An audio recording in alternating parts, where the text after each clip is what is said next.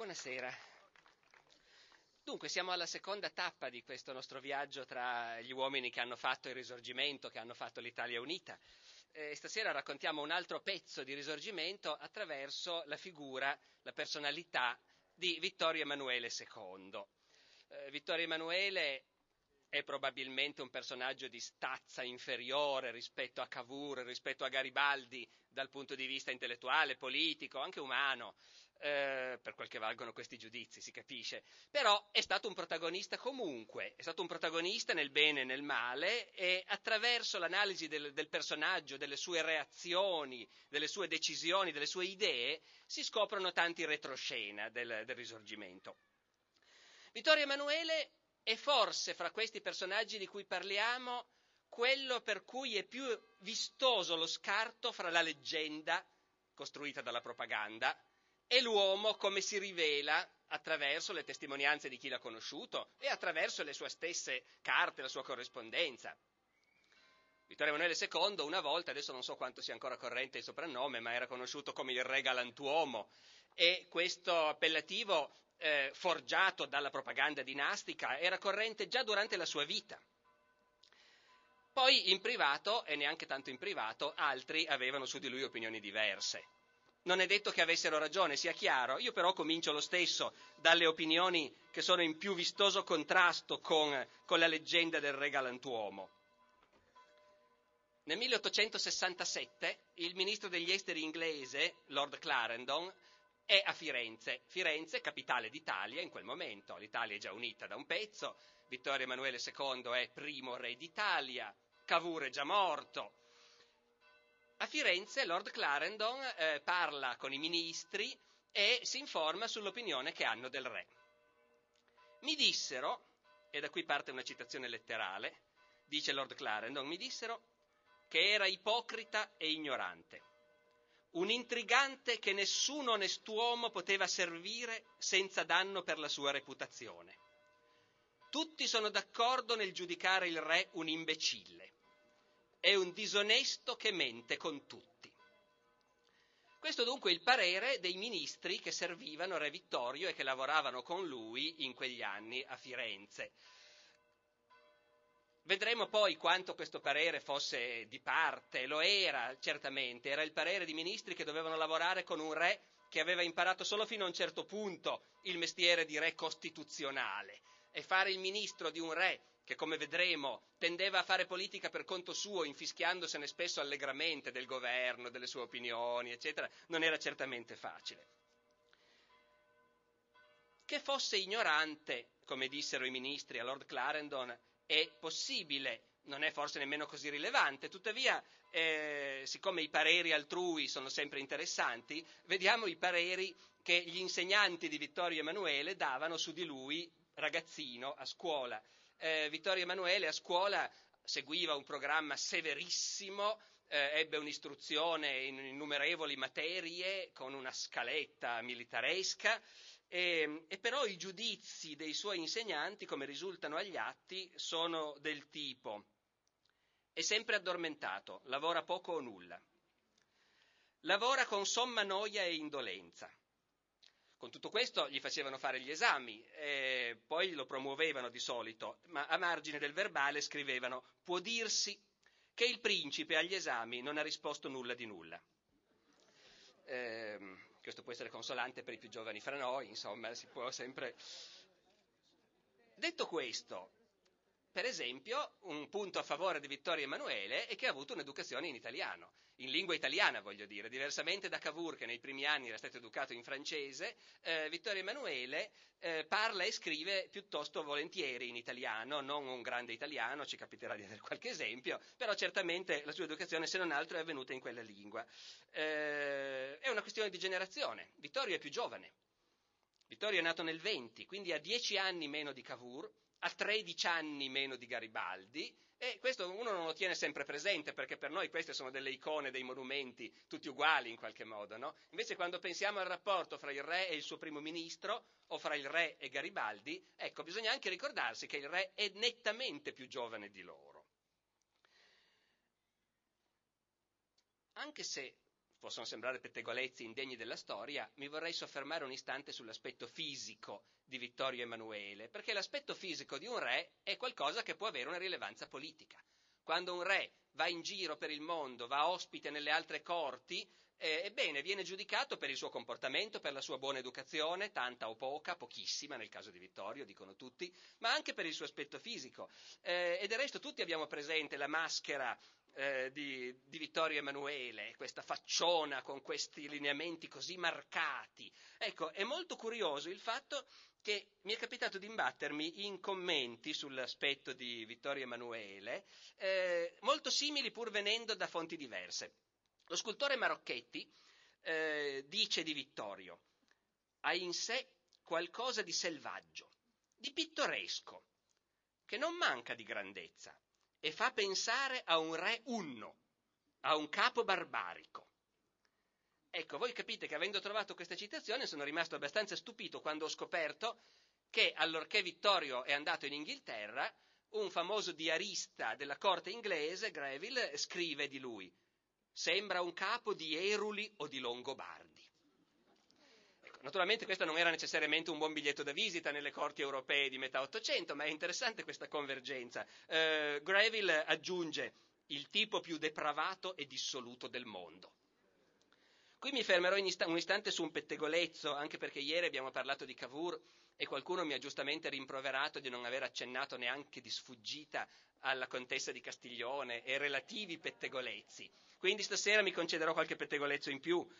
Eh, molti sapranno che corre un pettegolezzo secondo cui in realtà Vittorio Emanuele non era figlio di Carlo Alberto, ma era stato sostituito nella culla.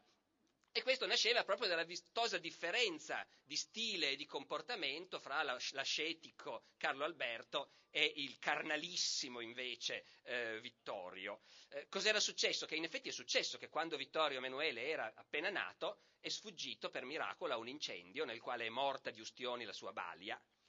E a partire da questa vicenda è poi entrata in circolo in seguito la leggenda secondo cui in realtà il bambino era morto e lo avevano sostituito con un altro eh, va detto che Vittorio Emanuele aveva un aspetto fisico, un modo di comportarsi pesantemente diverso rispetto al suo padre austero e ascetico, ma se voi guardate i lineamenti non è detto che fosse così. Provate a prendere, se vi capita, o a guardare su internet, una moneta di Carlo Alberto, coniato ovviamente quando Vittorio era bambino, quindi senza nessuna possibile frode. Ecco, nelle monete di Carlo Alberto si vede benissimo che il profilo di Carlo Alberto era singolarmente simile a quello di suo figlio. Cioè singolarmente, perché singolarmente? Ovviamente simile, ecco.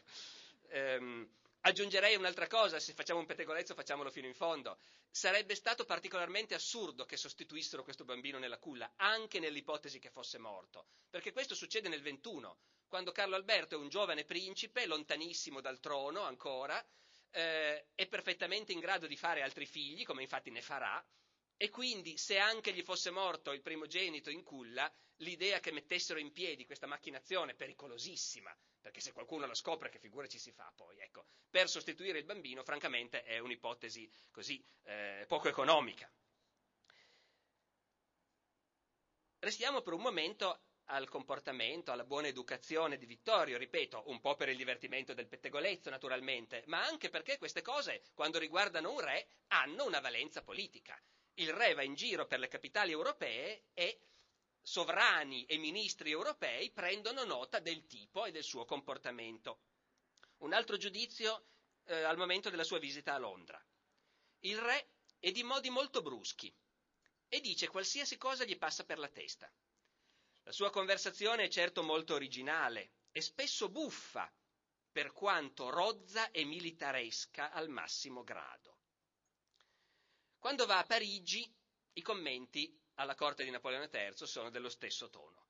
Il suo comportamento è molto rozzo e si racconta che dice cose irripetibili.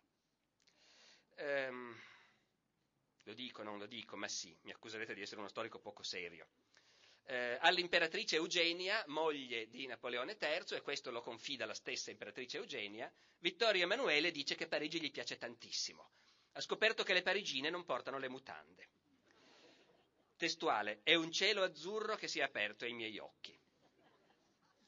Eh, Vittorio Emanuele è un uomo di robusti appetiti in tutti i sensi, è un uomo che ha innumerevoli relazioni, figli illegittimi dappertutto, si sparge già eh, fin dai primi anni del suo regno eh, la barzelletta che corre in Piemonte e che è un re che ha saputo davvero essere il padre del suo popolo. Ehm, gli si attaglia talmente che può averla messa in giro lui, secondo me, tutto sommato. Dopodiché, di nuovo, è un sovrano che ha degli appetiti, che li controlla poco, che non vede perché dovrebbe controllarli, a rischio che questo politicamente gli si possa ritorcere contro. Eh, è certamente uno che parla senza pensarci, tanto lui è il re e può dire quello che vuole. Aggiungo ancora un commento, stavolta cito eh, un diplomatico francese, Lideville, che ho già citato ieri più volte, che sul re afferma sua Maestà Sarda ama vantarsi, è poco amica della verità e per di più assai indiscreta. In ogni occasione Vittorio Emanuele parla delle sue venti ferite, in guerra si intende, e fa volentieri il racconto favoloso dei pericoli che ha corso, sia in guerra che a caccia. Ognuno sa, tuttavia, che pur essendo coraggioso e persino temerario, il re di Sardegna è stato raramente ferito.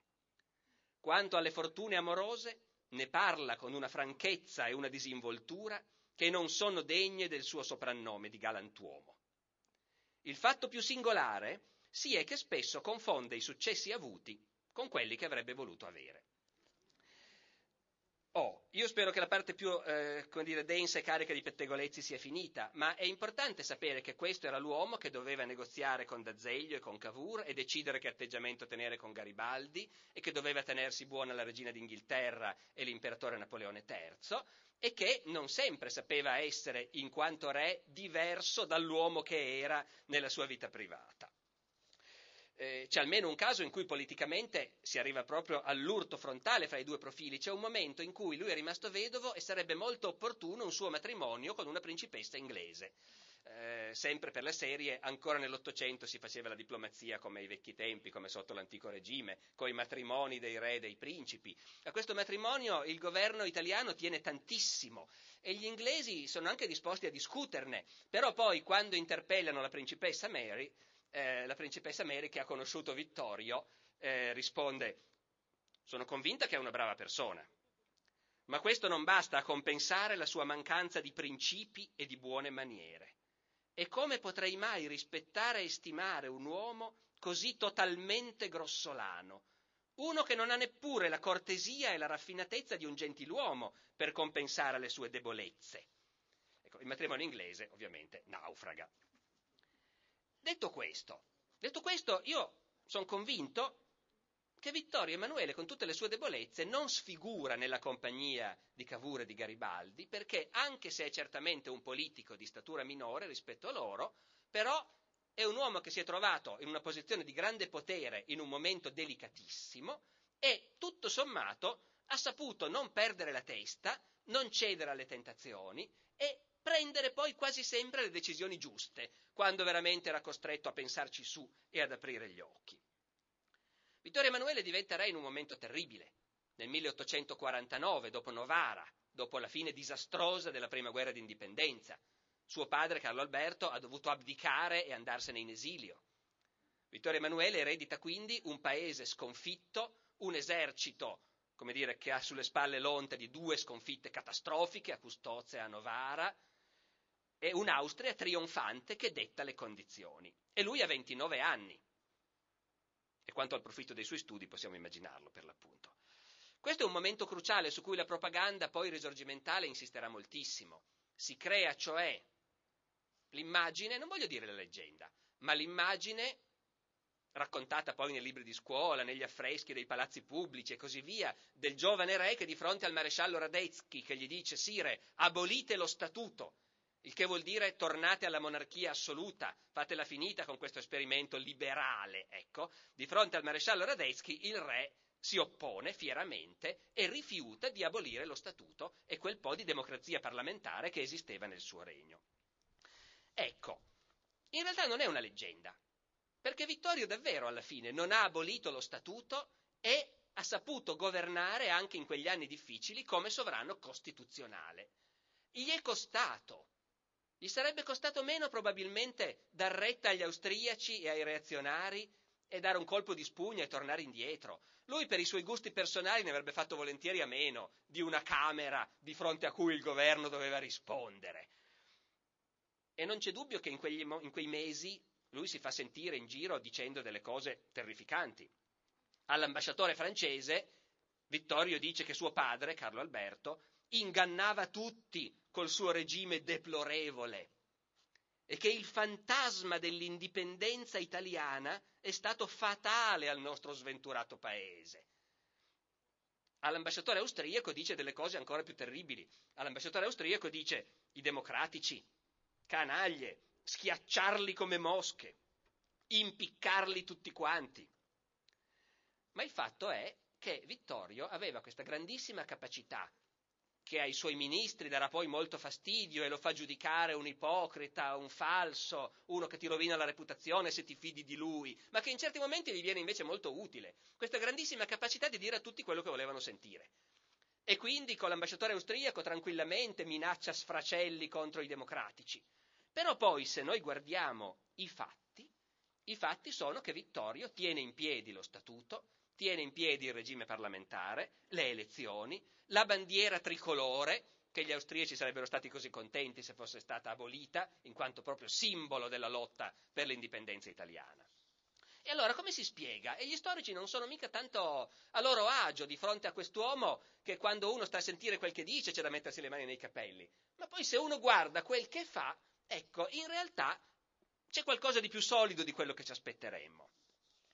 In realtà Vittorio evidentemente è uno che non è un fanatico, ha buon senso, gli piace regnare, gli piace comandare, ma nelle circostanze di quel tempo si rende conto che se volesse fare il tiranno e abolire il liberalismo, e beh, si tirerebbe addosso più fastidi che non a continuare a governare come re liberale. Non ha voglia di fare quei passi, scatenare l'esercito nella repressione, poi quando ce n'è bisogno in casi specifici lo fa naturalmente, eh? quando a Genova c'è l'insurrezione, ebbene lì si manda l'esercito e si spara coi cannoni, quando c'è l'insurrezione mazziniana, ma tenendo però la barra dritta sul fatto che alcune cose di fondo il regime liberale e parlamentare, quelli si rispettano. Intendiamoci, bisogna anche aver chiaro cosa voleva dire il regime parlamentare garantito dallo Statuto nel Piemonte del 1848. Come ovunque in Europa non c'era il suffragio universale, c'era un suffragio ristretto sulla base della proprietà. Occorreva avere un certo livello di proprietà e pagare un certo livello di tasse, quindi, per avere il diritto di voto. E questo era normale, peraltro, eh, nei regimi parlamentari ottocenteschi, che quindi noi chiamiamo democrazie con qualche esitazione. La battaglia per il suffragio universale sarà una battaglia lunga, in Piemonte il regime è particolarmente ristretto, mi pare, non, vorrei, non sono sicuro al mille per mille, ma l'ordine di grandezza è questo, che sia il 3% dei cittadini che ha diritto di voto, talmente è ristretto il livello, talmente è alto il livello di reddito fissato, ecco. La cosa curiosa è che in questo modo la legge elettorale rappresenta l'opinione pubblica più illuminata perché sono precisamente i borghesi che hanno mezzi, gli stessi che hanno studiato, che conoscono il mondo e che sono in linea con le opinioni liberali, che sono quelle dominanti nei paesi più avanzati dell'Europa di allora. Eh, c'è questo paradosso che se avessero votato i contadini in massa, molto probabilmente avrebbero votato per il re, per l'altare, senza farsi scrupoli, e, e, invece la legge elettorale esistente, proprio perché è così restrittiva, manda regolarmente alla Camera delle maggioranze abbastanza liberali, se non di sinistra. Il meccanismo del voto è abbastanza chiaro. Eh, dal Piemonte come tale, in senso stretto, in genere vengono soprattutto deputati liberali o di sinistra. Dalla Liguria vengono deputati di sinistra normalmente, eh, quelli più temuti chiaramente dal re. Eh, per fortuna c'è la Savoia, dove invece eleggono di solito deputati di estrema destra e quindi si fa un qualche equilibrio. Però queste Camere sono difficili da governare. Per fortuna lo Statuto permette al re di sciogliere la Camera quando vuole. Non ha bisogno di nessun pretesto, basta che decida di sciogliere la Camera, la può sciogliere e ovviamente convoca nuove elezioni. Queste elezioni erano elezioni democratiche fino a un certo punto e non solo perché votavano in pochi, ma anche perché il Ministero mobilitava i prefetti per spiegare alla gente qual era il modo giusto di votare e insomma eh, chi votava male rischiava poi di avere delle seccature, insomma, quindi è una democrazia molto limitata, ben inteso. È una democrazia soprattutto in quanto c'è comunque poi alla fine un Parlamento in cui si discute e di fronte a cui il governo è responsabile. Il re Vittorio a queste condizioni ci può anche stare. Quando la Camera non gli piace la scioglie. E ha ben chiaro che se non ci fosse questa maledetta legge elettorale così restrittiva per lui sarebbe perfino meglio. A un certo punto lo dice espressamente. Darò il suffragio universale e andrò io stesso a parlare agli elettori, convinto che in questo modo appunto avrà una Camera molto più malleabile e conservatrice di quella che è eletta da quei pochi borghesi liberali che votano.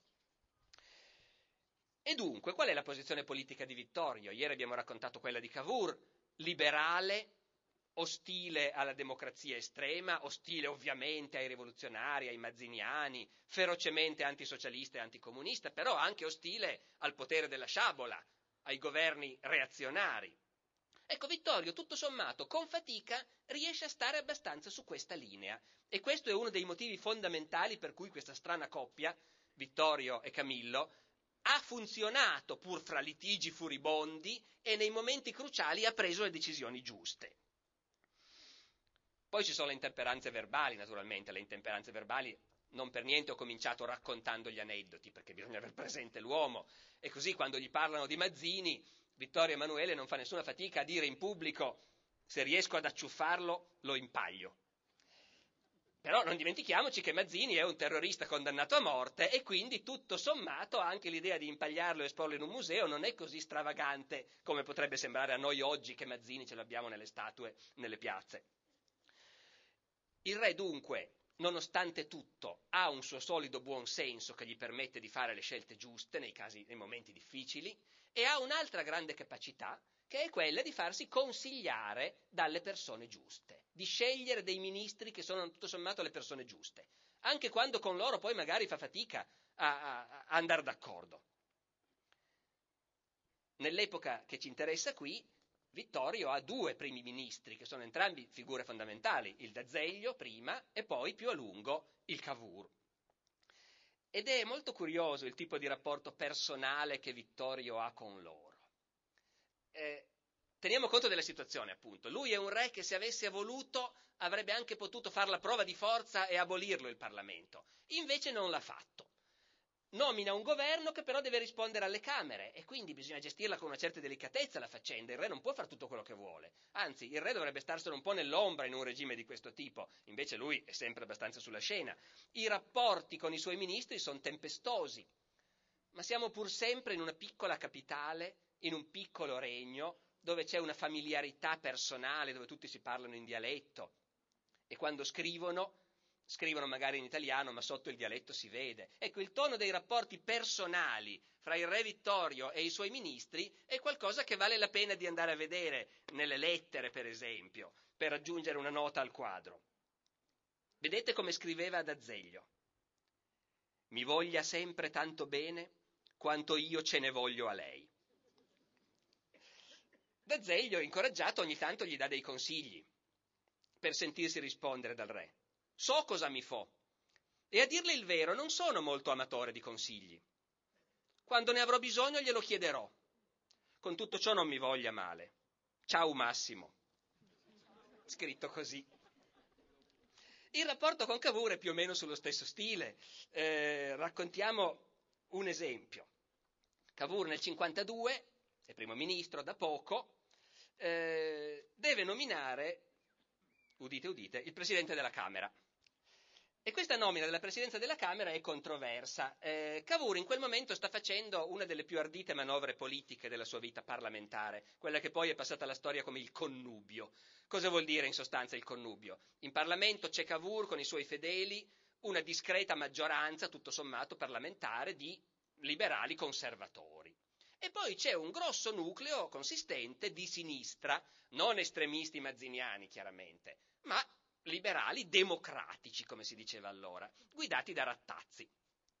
A un certo punto Cavour fa questa manovra di allearsi con Rattazzi e quindi con i democratici. Manovra all'epoca estremamente discussa, criticata, eccetera. E uno degli elementi di questa manovra è che Rattazzi, che era già ministro, deve diventare presidente della Camera. Lo fanno senza dir niente al re, lo votano, tutto legale, il Parlamento vota Rattazzi presidente della Camera.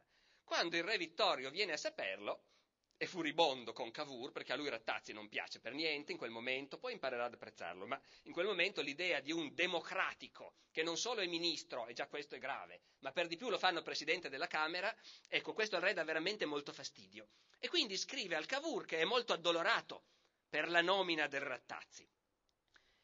Inoltre, qui è il re che scrive, io sono poco divertito di vedere costantemente delle divergenze d'opinione nel ministero e che un ministro abbia cercato questa nomina, la quale non sarà da tutti ben capita, né all'interno né all'estero.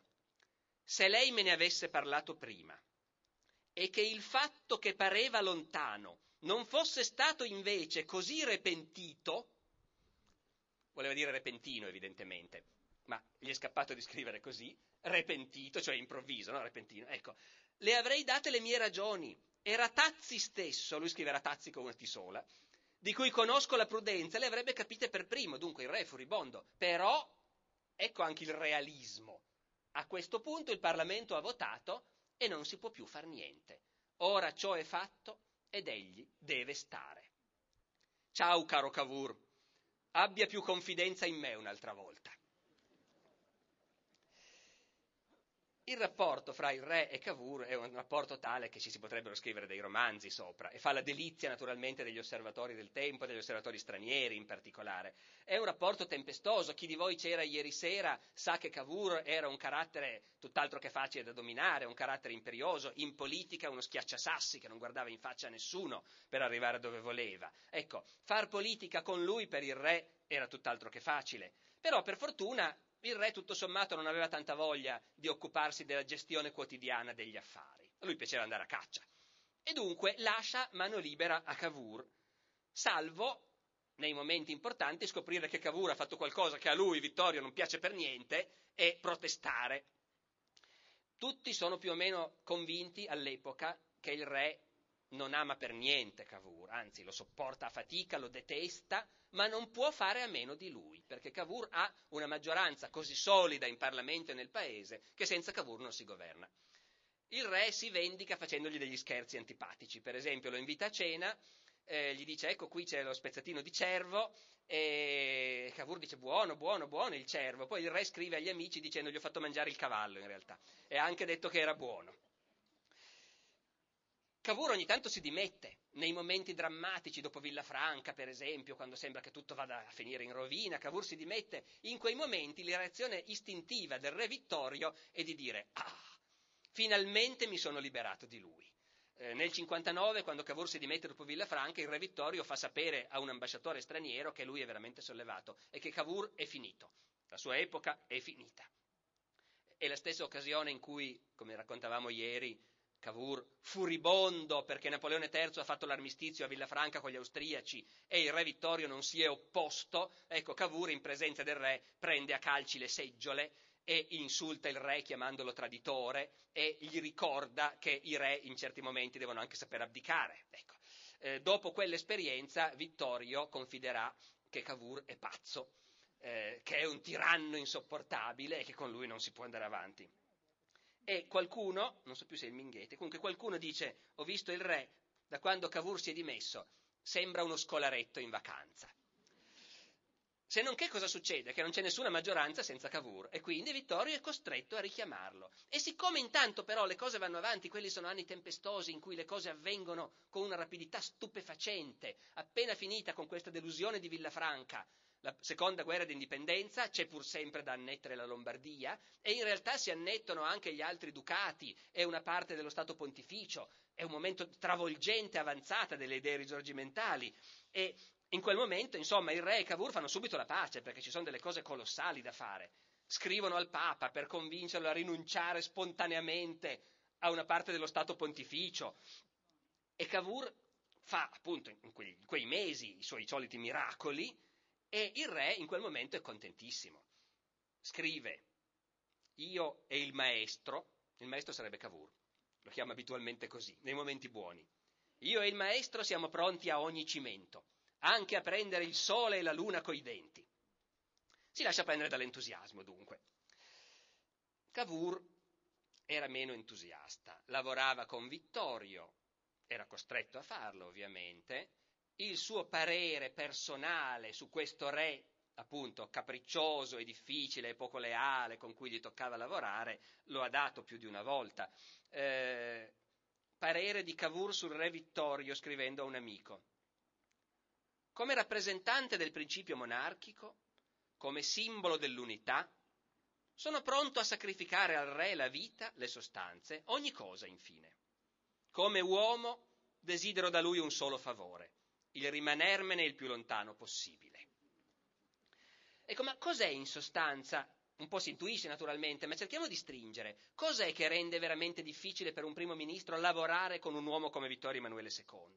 In definitiva, il punto cruciale è questo che Vittorio Emanuele II, re costituzionale, il cui governo deve rispondere alle Camere, è continuamente tentato di farsi la sua politica personale. In qualunque situazione c'è un governo che negozia, magari con Napoleone III, magari con il Papa, che fa dei progetti di legge, magari anche difficili, controversi, e Vittorio Emanuele è continuamente tentato di negoziare anche lui in segreto, senza dirlo al ministro, per vedere, convinto che magari lui arriva a fare qualcosa di più.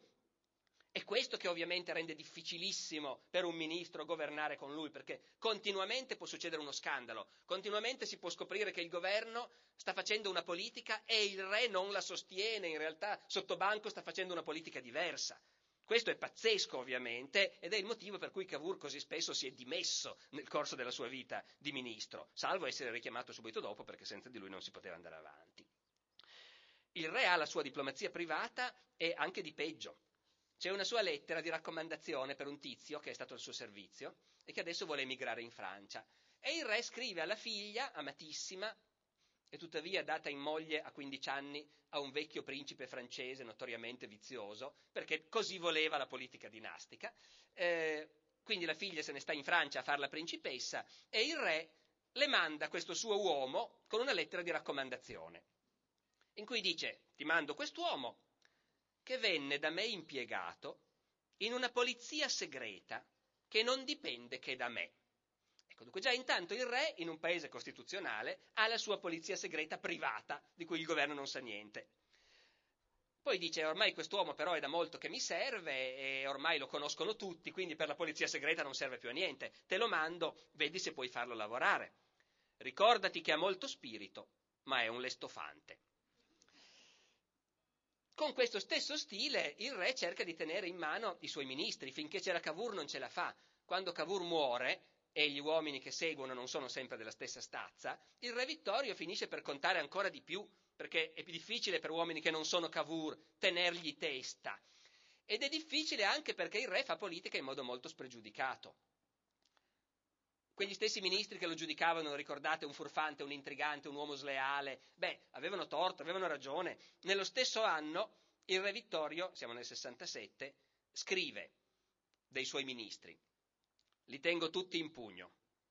Avendo conservato un intero archivio di lettere che essi mi hanno scritto in epoche diverse, li faccio star zitti e rigare diritto. E dunque ha i suoi dossier e può continuamente svelare gli altarini dell'uno e dell'altro. Ecco, Cavour è morto a 51 anni, alla mia età, si può anche cominciare a capire come mai è morto giovane, perché eh, non era certamente facile governare con un re di questo genere di sopra, e però, attenzione, io non vorrei che insistendo su questi aspetti, su questi aneddoti divertenti e anche un po' scandalosi sulla mediocrità di Vittorio, ci dimenticassimo che poi in realtà per l'appunto nei momenti cruciali Vittorio ha poi sempre trovato il buon senso e la forza di sostenere invece il suo governo anche in situazioni in cui lui personalmente, come dire, faticava a accettare la linea politica del governo. Dico questo perché vorrei approfittare di questo incontro su Vittorio per accennare eh, a un aspetto del risorgimento che ieri non ho avuto tempo di toccare e che è invece cruciale per comprendere l'epoca e gli uomini. E cioè le grandi polemiche che si hanno negli anni 50, quindi tra la prima e la seconda guerra d'indipendenza, in Piemonte, a proposito del rapporto fra Stato e Chiesa.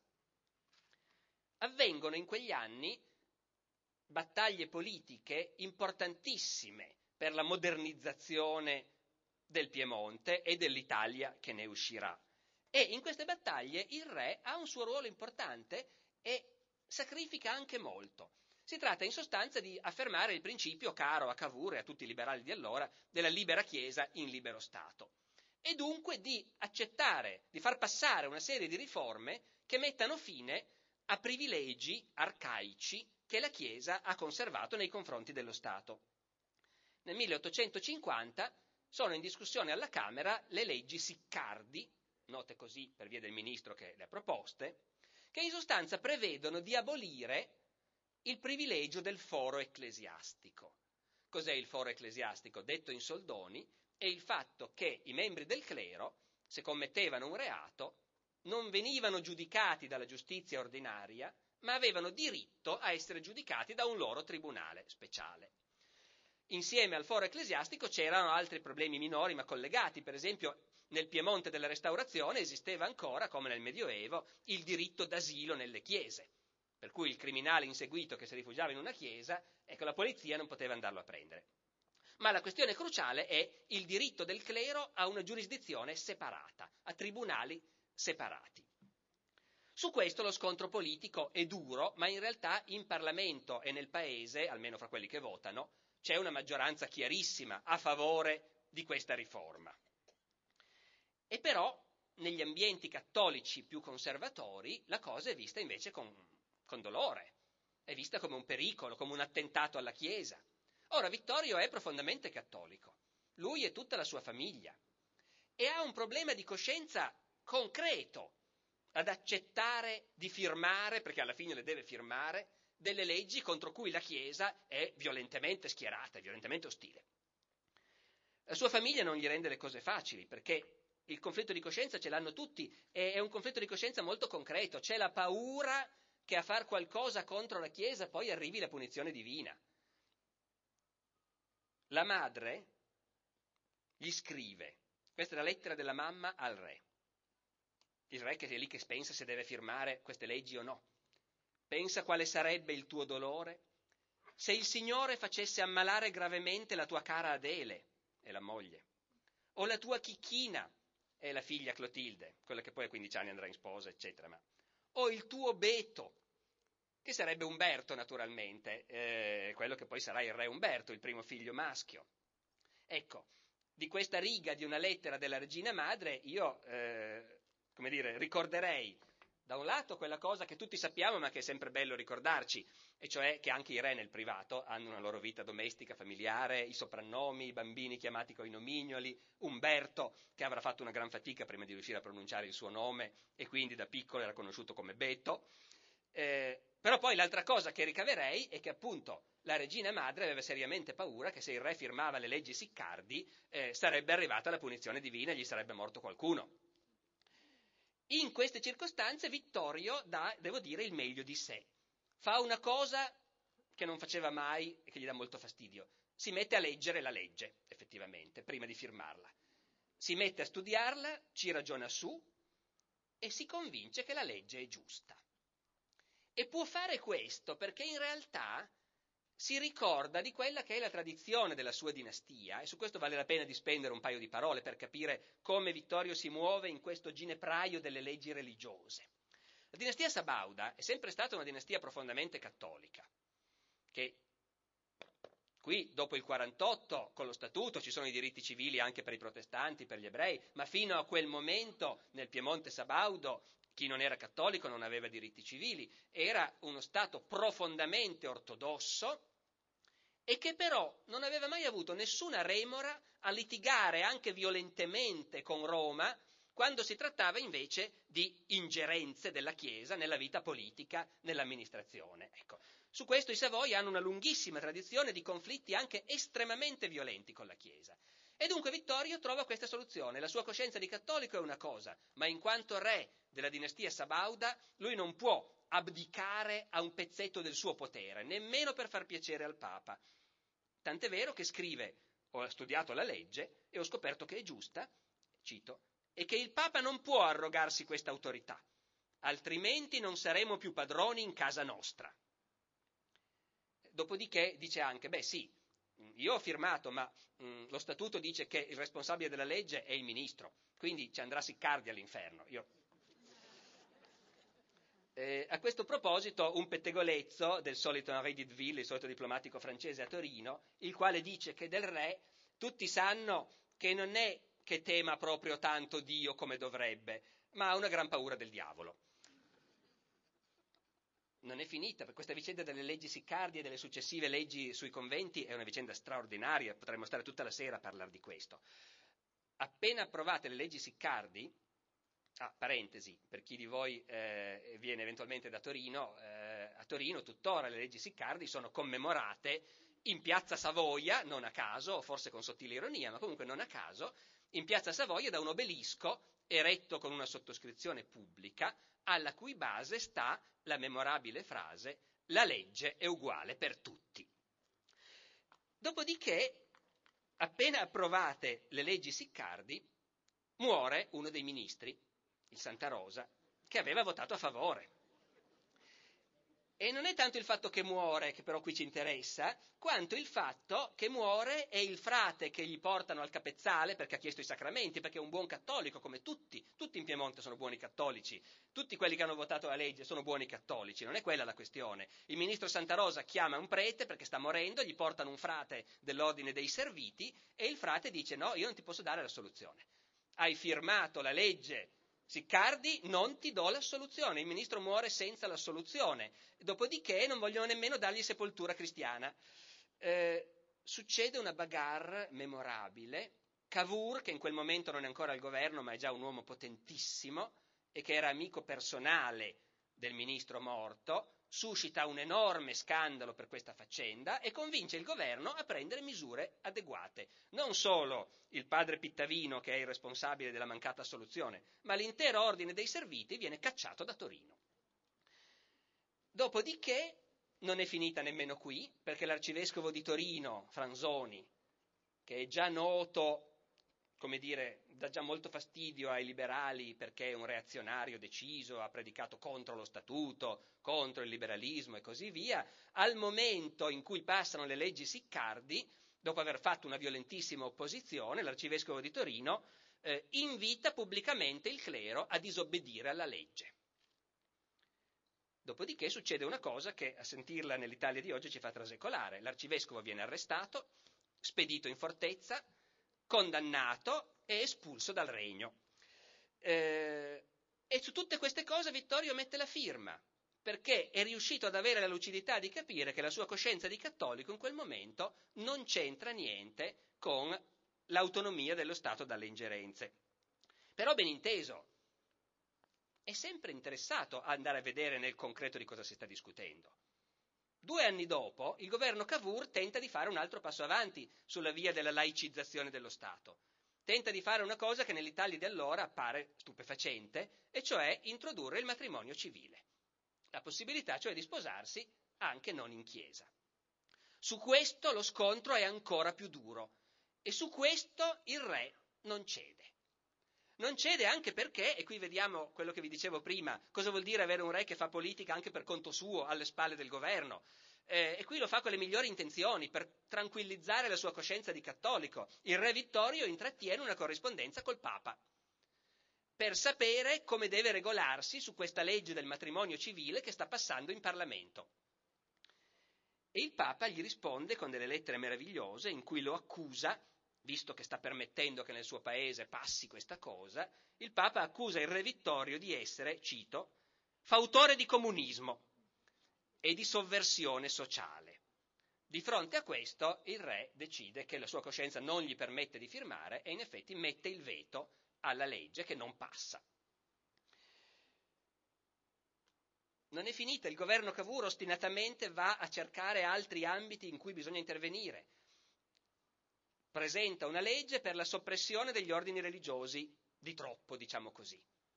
Il paese è pieno di conventi, è pieno di ordini religiosi, molti hanno una funzione attiva di assistenza, di insegnamento, quelli non verranno toccati, ma quelli invece improduttivi, che hanno enormi proprietà terriere, che appunto è tempo di mettere in circolazione, perché il paese sta crescendo economicamente e deve modernizzarsi, ecco gli altri, gli altri ordini verranno soppressi.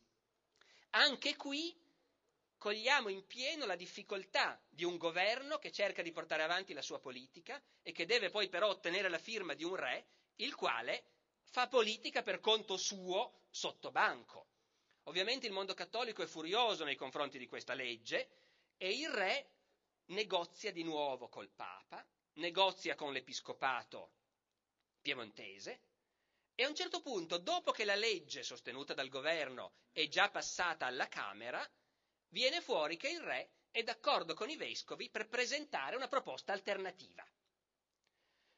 Oh, una cosa del genere ovviamente farebbe cadere il governo e infatti fa cadere il governo. Cavour si dimette immediatamente quando viene a sapere che il re è d'accordo con l'episcopato per presentare una proposta alternativa a quella del governo. A quel punto il governo non può più stare ovviamente. Cavour si dimette con un discorso che fa riferimenti minacciosi a quei sovrani che non hanno saputo attuare le riforme al momento giusto, in passato è già successo e se ne sono dovuti pentire.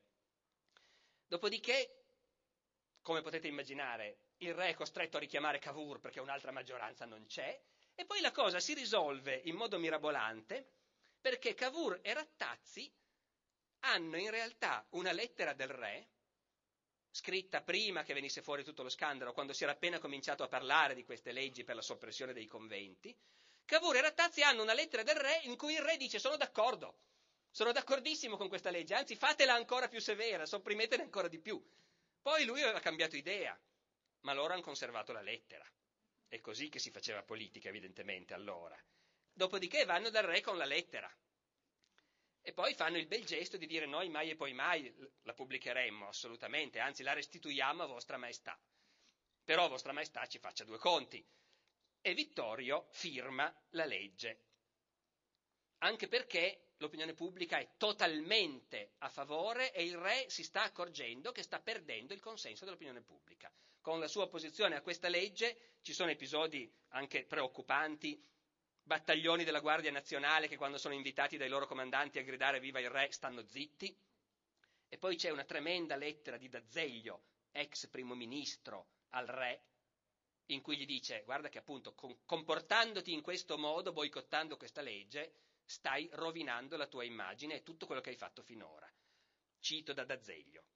Un intrigo di frati è riuscito in un giorno a distruggere l'opera del suo regno ad agitare il paese, a scuotere lo statuto, oscurare il suo nome di leale, il suo del re appunto, re galantuomo.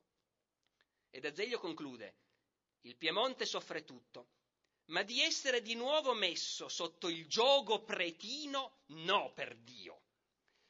Dopodiché il re firma. E cosa succede? Il Papa lo scomunica.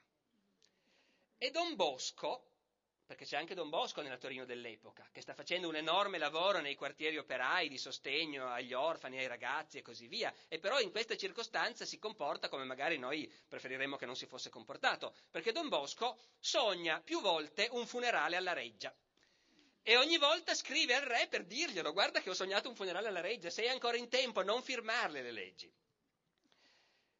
Il re firma, e voi immaginate come si può essere sentito quest'uomo che ha firmato un po' perché altrimenti il paese va all'aria, non c'è altro governo possibile, un po' perché l'hanno ricattato con la lettera che aveva avuto la leggerezza di scrivere prima dicendo che lui era d'accordo, un po' perché alla fin fine si è convinto che effettivamente eh, va bene così, ha firmato, Immagin- però la sua coscienza non era tanto tranquilla. Don Bosco gli scrive queste cose e nel giro di un mese muoiono la madre, la moglie di Vittorio di parto e il fratello. Ecco, Immaginatevi come si può essere sentito quest'uomo. Però ha firmato e non torna indietro e anzi, quando gli arriva la notizia che il Papa lo ha scomunicato, trova l'energia per reagire da par suo, come avrebbero fatto i suoi antenati di una volta. Il Papa mi ha scomunicato, dice benissimo, finché mi scomunica, come in questo caso, per ragioni puramente temporali, politiche, cito, dal re Vittorio, voi mi scuserete, me ne fotto.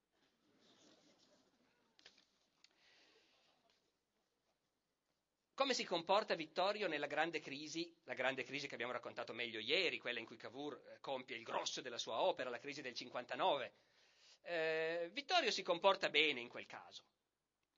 Sa stare al fianco di Cavour, sa aspettare con pazienza che Napoleone III si decida finalmente a aiutare il Piemonte a fare la guerra contro l'Austria. Vittorio, non dimentichiamocelo, si gioca molto in quel caso. Suo padre, dieci anni prima, ha perso la guerra e è stato costretto a abdicare.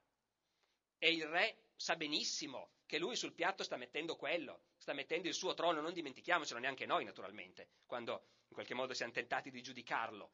C'è una meravigliosa frase che lui dice a Cavour a un certo punto, egregio conte, voi avete 150.000 lire di rendita, tipo un milione di euro grosso modo come potere d'acquisto, le entrate di Cavour e qualunque cosa accada per voi nulla cambia. Ma sappiate che io non voglio ritrovarmi dove è finito mio padre. Dunque il re sa benissimo che si sta giocando molto. Si gioca molto nel caso che le cose vadano male gli austriaci vincano. E poi c'è sempre anche l'altra ipotesi, lo spettro del comunismo che evocavamo ieri, o perlomeno lo spettro dei mazziniani, della rivoluzione democratica, della repubblica. Eh, potrebbe anche andare a finire in quel modo lì, chi lo sa. E anche in quel caso lì Vittorio ha tutto da perdere. E lo dice, se va tutto bene io divento il re dell'Alta Italia. Non ci pensavano ancora neanche lontanamente che pochi mesi dopo avrebbero avuto l'Italia unita. Pensavano al Lombardo-Veneto. Ma Vittorio dice, se va tutto bene divento il re dell'Alta Italia, ma se va in quell'altro modo, se vincono i mazziniani, io divento Monsieur Savoia, cioè il signor Savoia, privato cittadino come tutti gli altri. Dunque, si gioca molto anche lui, senza alcun dubbio, e però sa fare la sua parte. Va detto che fa la sua parte anche perché gli va veramente bene da un punto di vista la situazione. Finalmente si fa la guerra. Vittorio ha avuto un'educazione militare, si considera un militare prima di tutto, la guerra gli piace moltissimo, perfino più della caccia, non la può fare sempre però la guerra, quindi si accontenta di massacrare stambecchi, ma lui adora l'idea della guerra e quando finalmente nel 59 si fa la guerra è felice. È stato anni lì a rodere il freno aspettando di fare la guerra. Farò ancora una citazione. La regina Vittoria, che lo aveva ricevuto qualche anno prima e che parla molto di lui nel suo diario, potete immaginarvi l'impressione che ha fatto Vittorio alla regina Vittoria. Ehm, la regina Vittoria sostiene che il re le ha detto, io non amo fare il re, se non posso fare la guerra mi farò frate. E Vittoria poi continua meravigliosamente, dice sì, lo diceva con quel suo vocione, roteando gli occhi, povero uomo. Penso che sia infelice e molto da compiangere. Più che a un re dei nostri giorni, assomiglia a un cavaliere medievale che viva della sua spada.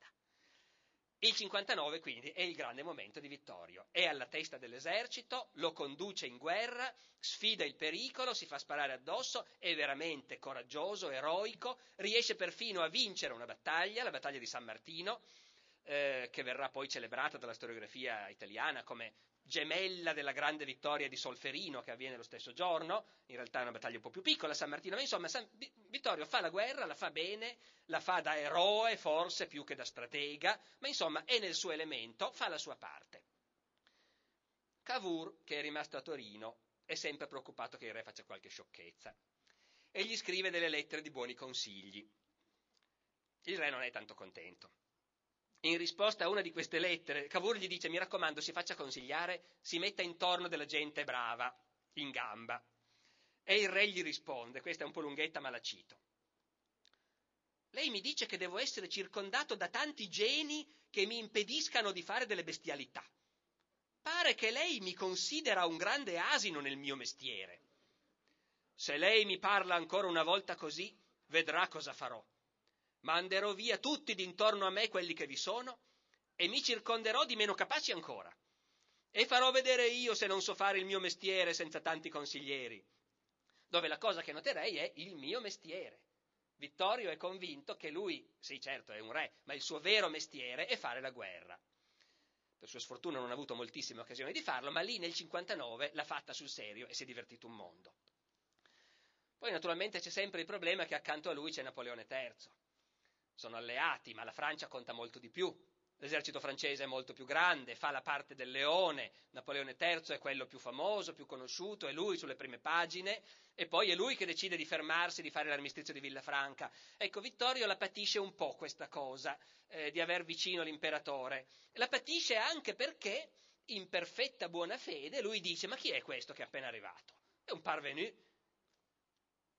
Chi è dopo tutto quest'uomo, questo bischero? L'ultimo venuto dei sovrani d'Europa un intruso tra di noi. Farebbe meglio a ricordare chi è lui e chi sono io, il capo della prima e più antica dinastia regnante d'Europa. Ed è vero tecnicamente che i Savoia risalgono nel tempo abbastanza indietro da essere più antichi, non dei Bonaparte che fa ridere, ma anche di quasi tutte le altre dinastie regnanti eh, europee. Dopodiché anche qui Vittorio ha anche questo aspetto, che è uno che parla facilmente, dice tante cose, dice anche cose contraddittorie fra loro. L'ultimo arrivato fra noi, questo sembra ancora il re dei vecchi tempi, il re di diritto divino.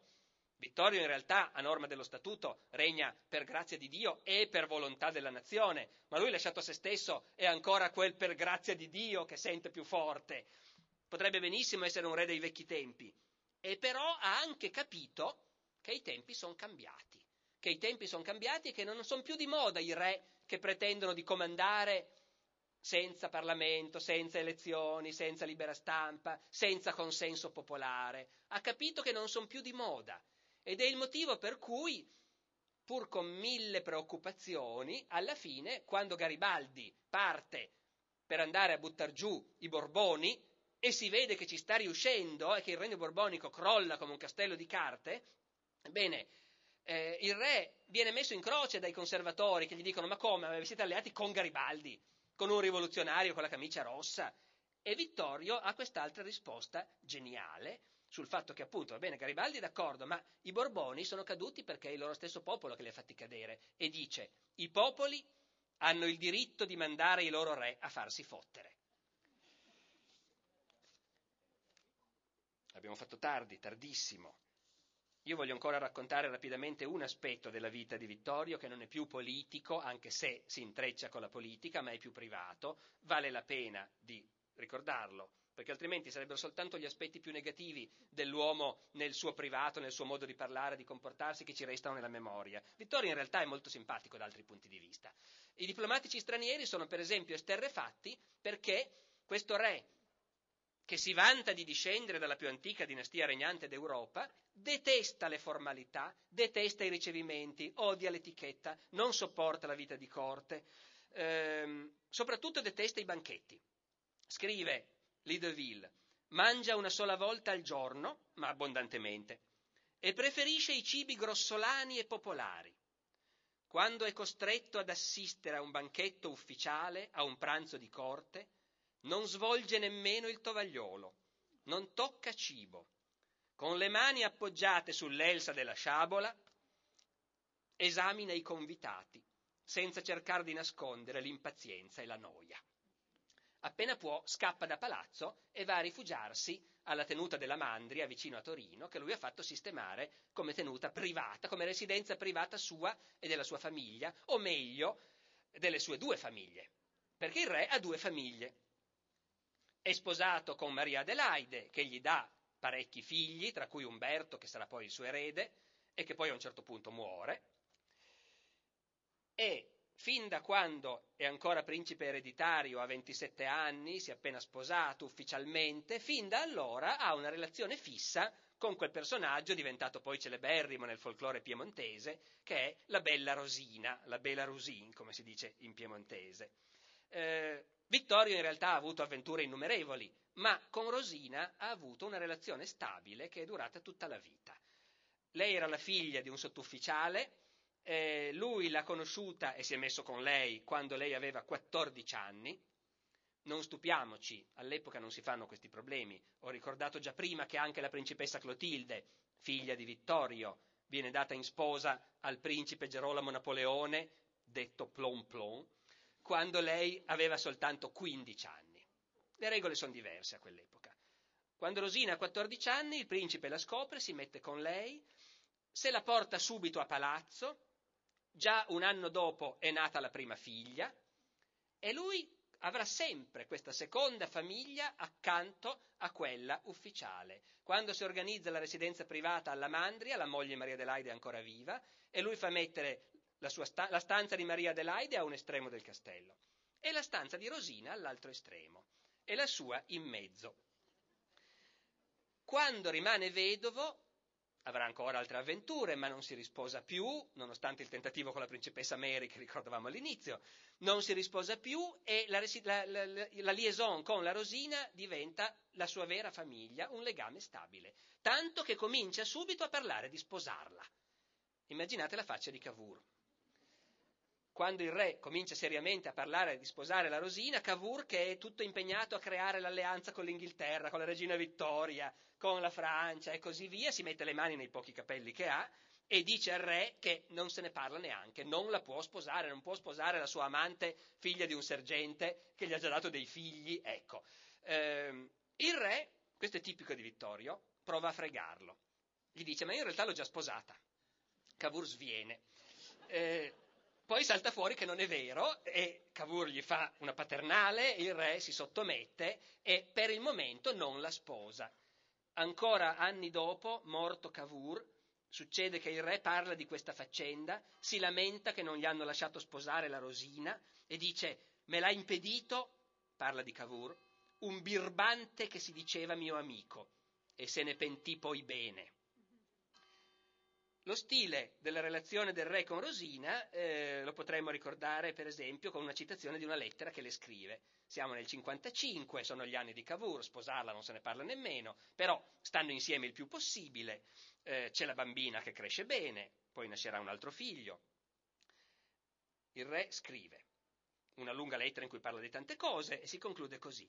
Ciao cara Rosina, ti mando tanti basi, ti ho rubato una cosa prima che tu sia partita, non te ne sei accorta.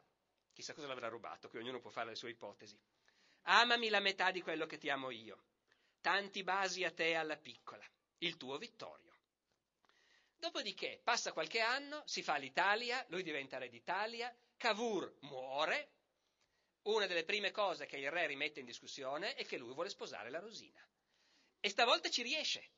La sposa, la sposa con il matrimonio che si usava all'epoca per i sovrani che si sposavano al di sotto del loro rango, un matrimonio perfettamente valido ma che esclude ovviamente la sposa e i figli dagli onori regali, quindi lei non diventa regina, i figli non saranno mai eredi al trono, però la sposa gli tocca scrivere alla figlia Clotilde in Francia, la moglie di Plon Plon, eh, per spiegare alla figlia che stavolta ha deciso, sposa la Rosina. Ovviamente la figlia sa tutto, tutti sanno tutto. Come la prendano è un altro conto. Cito ancora, e poi sto davvero finendo, cito ancora la lettera con cui il re scrive alla figlia per spiegarle che stavolta sposa la Rosina. Perché la sposa? Perché l'ha promesso, si è impegnato. Non può non farlo. Non ho mai amato al mondo che la tua Santissima Madre, e poi questa. E poi continua raccontando di questo amore, di questa storia straordinaria. Eh, cito a caso, un terribile destino, un grande amore. Ora, cara Checchina, continua a chiamarla col soprannome di quando era bambina la figlia, ora, cara Checchina, sono pronto a sposarla. La Rosina dice è così delicata, lei non me l'ha mai chiesto. Io però, proprio per questo, proprio vedendo che lei così fine non me l'ha mai chiesto, io gliel'ho promesso. Quella promessa, promessa che come uomo onorato e soldato mi lega fino alla morte. Non volermi male ed abbi un poco di carità per il tuo misero papalino. Ho bisogno, ho diritto di avere un poco di pace.